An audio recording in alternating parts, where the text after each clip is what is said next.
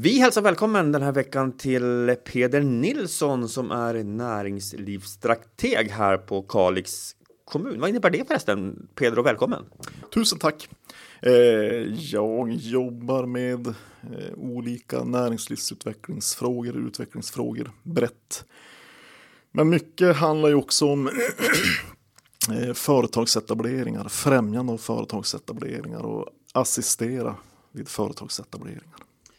Och det är det vi ska fokusera på i den här podden, för det är så som ni alla vet att det händer och sker väldigt mycket i norra delen av Sverige, dels i Västerbotten men också här i Norrbotten. Och ja, vi kan väl säga så mycket att det sker en hel del saker också i Kalix kommun.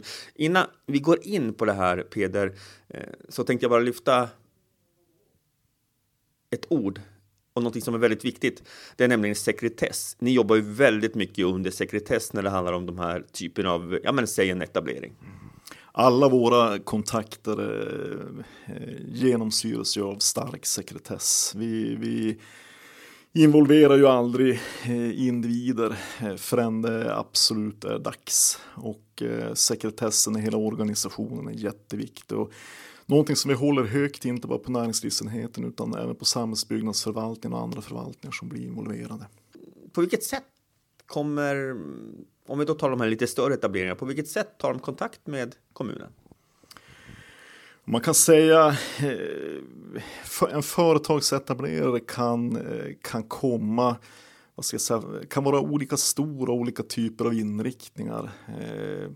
Tittar man på de här större internationella, multinationella företagen som ska etablera verksamhet, då går de ju oftast genom ett lands Invest in-funktion. Eh, och i, i Sverige så är det då Business Sweden som har kontor i Stockholm och som sen eh, eh skickar förfrågan vidare ut till regionernas invest in funktioner och så sen trattas det ner till aktuella eh, kommuner, platser. Okej, så att eh, när det handlar om de här stora internationella etableringarna så går det oftast den vägen. På vilket sätt prioriterar man då exempelvis de kommuner som ska bli aktuella? Det funkar på det sättet att eh, den första kontakten som den här etableraren har med, med landets Invest in kommun, då sätter man sig ner och, och plockar fram vilka platsattribut man, man söker. Och eh, Invest in-funktionen har ju en löpande dialog med regionerna och med kommunerna. Har ganska god kunskap om de olika platsernas förutsättningar. Olika typer av branscher söker olika typer av platsattribut. och eh, i en sån här process så, så börjar man med att plocka ut kanske ett 20-tal möjliga platser eh, som sen får en RFI, Request for Information, med ett stort frågebatteri som man får fylla i och så sen utifrån det så eh, plockas eh, kanske fyra, fem kandidater ut som man går vidare med. Av de här stora etableringarna som nu har varit i och är i norra Sverige då, där, där mm, har Kalix funnits med att man har plockat ut Kalix som en av de här eventuellt tänkta orterna? alla de här större elintensiva företagen som har etablerat verksamhet Eh, om vi tar som till exempel Northvolt eh, och H2 Green Steel så har vi fått de här RFI-erna. Eh, och det, det, handlar helt enkelt om att vi har rätt platsattribut. Det som är viktigt för de här stora elintensiva industrierna det är att det finns nödvändig elinfrastruktur på platsen. Stora sammanhållna markområden i anslutning till eh, kraftledningar och ställverk. Och vi har den här stora 400 kilovolts linan, nationella linan som, som går över till Finland. Den tas ner i ett ställverk på Myrsgatan och vi har den region, regionala 130 kilovoltan som tas ner i ett ställverk på Myrsgatan. Och vi, vi har stora markområden där också så att vi har alla förutsättningar i Kalix att kunna husera den typen av eh, industrier när det gäller utifrån eh, infrastruktur eh, för el. Sen har vi också nödvändig infrastruktur när det gäller järnväg och hamn. Vi har eh, Haparandabanan och vi har ett stickspår ut till Kalix hamn. Vilket också är en förutsättning för den här typen av större industrietableringar. Och allting eh, knyts ihop uppe på Myrsgatan. Så vi har, vi har alla vad ska jag säga, förutsättningar eh, för att kunna landa den här typen av, av industriprojekt. Och därför, därför får vi också de här RFIna. Har det varit nära, utan att vi går in såklart på vilket företag eh, det handlar om, men har det varit nära att man har valt Kalix? Det är jättesvårt att sia om, men eh, vi har ju, vi har ju trattats ner och varit eh, bland, bland alltså de få kandidaterna. Sen kanske vi inte har räckt hela vägen fram av olika anledningar. Jättesvårt att sia om. Vi har haft besök i Kalix av prominenta personer inom ja, olika kända företag som och de här besöken är ju inte, har ju aldrig liksom kommit ut eh, till allmän kännedom. Eh, men sen därifrån att säga, säga, eller bedöma hur nära det har varit, det, det är jättesvårt att svara på. Mm. Märker man av även här i Kalix nu att många vill etablera sig här i, i norra Sverige? Alltså vi, vi, märker ju av en stor skillnad. Eh, jag har ju jobbat här sedan 20, halvårsskiftet 2008 och när jag började så var det ju väldigt lågt intresse. Vi hade i kommunens industrifastighetsbolag så hade vi väldigt mycket vakanser eh, i lokalerna.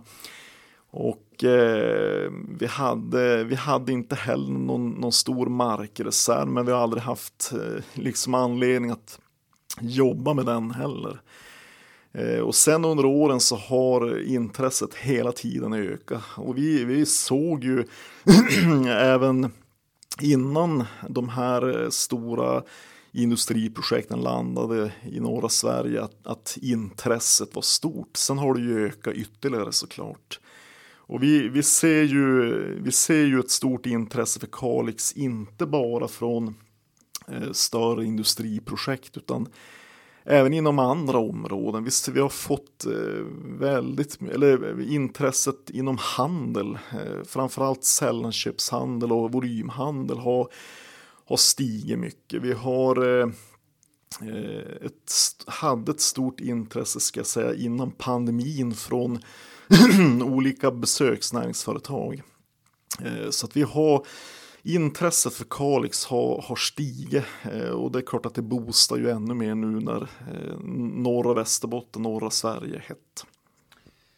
När det handlar om den här typen av etableringar så har du nämnt många faktorer som är viktiga, eh, exempelvis el, markområden och så vidare. Finns det idag eh, markområden som är förberett för, för de här olika mm, etableringarna som eventuellt är på gång då?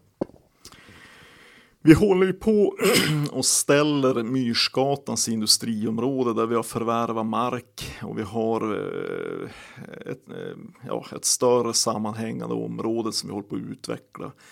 Eh, så där, så där kommer vi att ha ett större industriområde färdigt kanske under nästa år.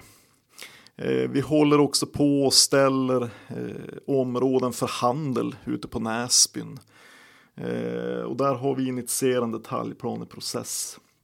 Sen har vi ju en, en sån här stor knäckfråga för oss har varit mark, lämplig mark för besöksnäringen. För där, där har vi dålig, dåligt med kommunal mark som har tickat täcka i liksom alla boxar som, som de här intressenterna som har varit här och tittat har haft. Och vi har skannat privata markägare och, och skanna intresset. Men, men det har inte landat. Sen, sen kom pandemin också. Så eh, jag skulle säga att, att besöksnä, lämplig mark för, för besöksnäring är lite svårt.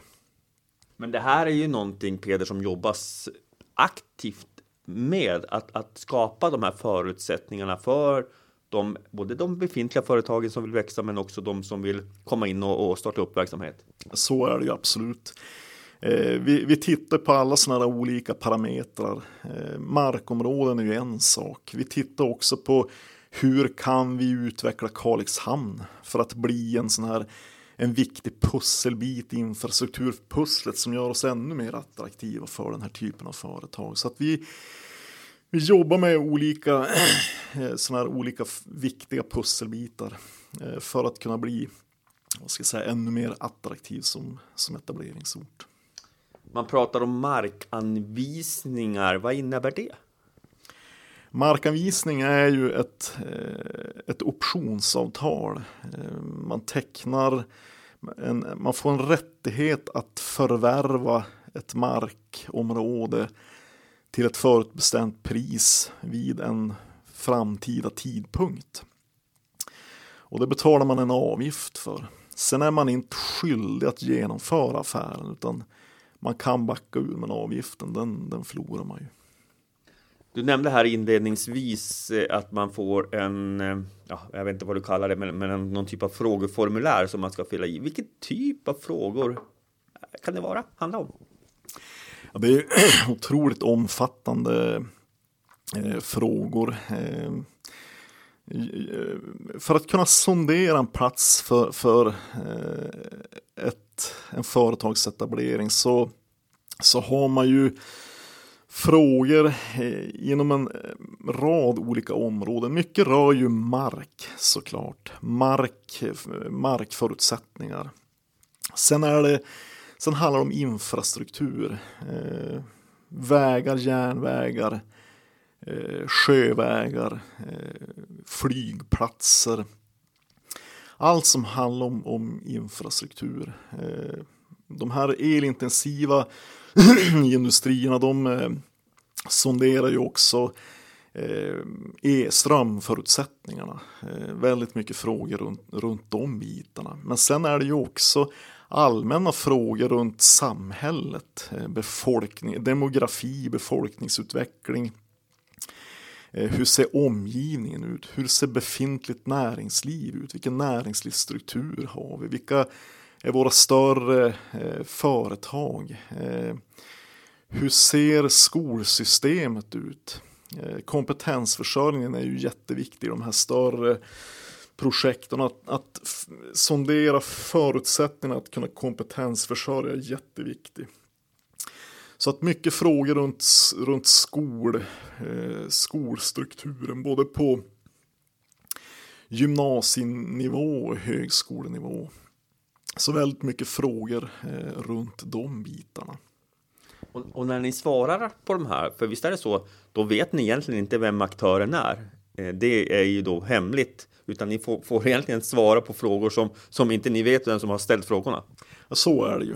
Så är det. De här eh, RFIna, då, då har vi aldrig, vi vet inte vilka aktörer som står bakom. Men det vi vet, det är ju att kommer det via Eh, via den här Investin-funktionen så finns det ju en due diligence i grunden. Eh, och den svenska Investin-myndigheten har ju säkerställt att det finns eh, liksom substans bakom. Så att det vet vi. vi. Vi vet ju aldrig vilka som står bakom som sagt, men vi kan ju såklart utifrån frågeställningarna eh, förstå vad det är för typ av verksamhet. Vi är inne i en period just nu där det händer väldigt mycket eh, i, i, i de här två länen, framförallt allt Västerbotten och Norrbotten. Är det någonting på gång här i Kalix om vi går in lite mer konkret utan att avslöja vilken typ av verksamhet eller vilken typ av entreprenör, men, men är det något på gång här eh, kommande? För det här är en process som är lång, kommande år. Eh, ja, det ska jag absolut säga. Det, det, det finns. Det, det finns. Både, höll på att säga, stort och smått eh, inom lite olika områden. Men det finns ju såklart förfrågningar som har direkt koppling till, till utvecklingen i norra Sverige. Eh, så, så är det ju. Sen, det, jag skulle också säga att det finns förfrågningar som kommer av eh, Alltså både direkt som, som, som handlar direkt om eh, de här industrierna som är i tillväxt men också, eh, också att man ser att samhällena är i tillväxt. Det finns ju en annan kontakt också man tar med kommunen, det vill säga den direktkontakten. Att man kontaktar kanske ni på näringslivsenheten. Det händer också att vi på informationsenheten får förfrågningar och så vidare. och ibland kan det gå rätt snabbt från det att man har fått en förfrågan till dess att man faktiskt eh, startar upp en verksamhet här i Kalix. Absolut, så är det ju. Jag menar, nu, nu har vi pratat mycket om de här större aktörerna, men det finns ju många mindre aktörer, framförallt våra egna företag som är i tillväxt, som behöver eh, växa på befintlig yta eller ny yta.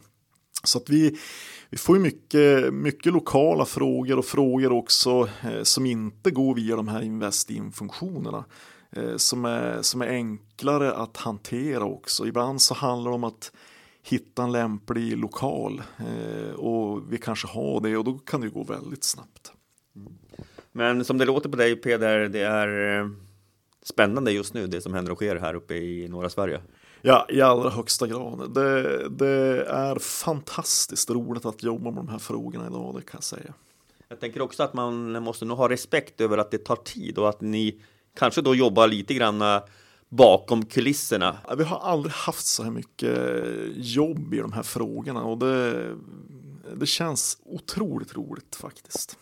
Mm.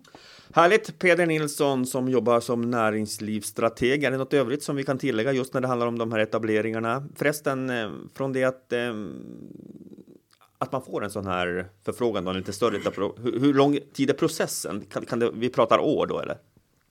De här större, de här större förfrågningarna, det, det är ju års, eh, då, då, pratar vi år. Men, men samtidigt så, eh, ja, ska man sy ihop ett sånt pussel, då, då är det ju år. Bra Peder, något annat som vi ska tillägga när det handlar om eh, den här typen av eh, verksamhet som Kalix kommun också jobbar med febrilt? Jag tror vi har, vi har nog avhandlat det mesta.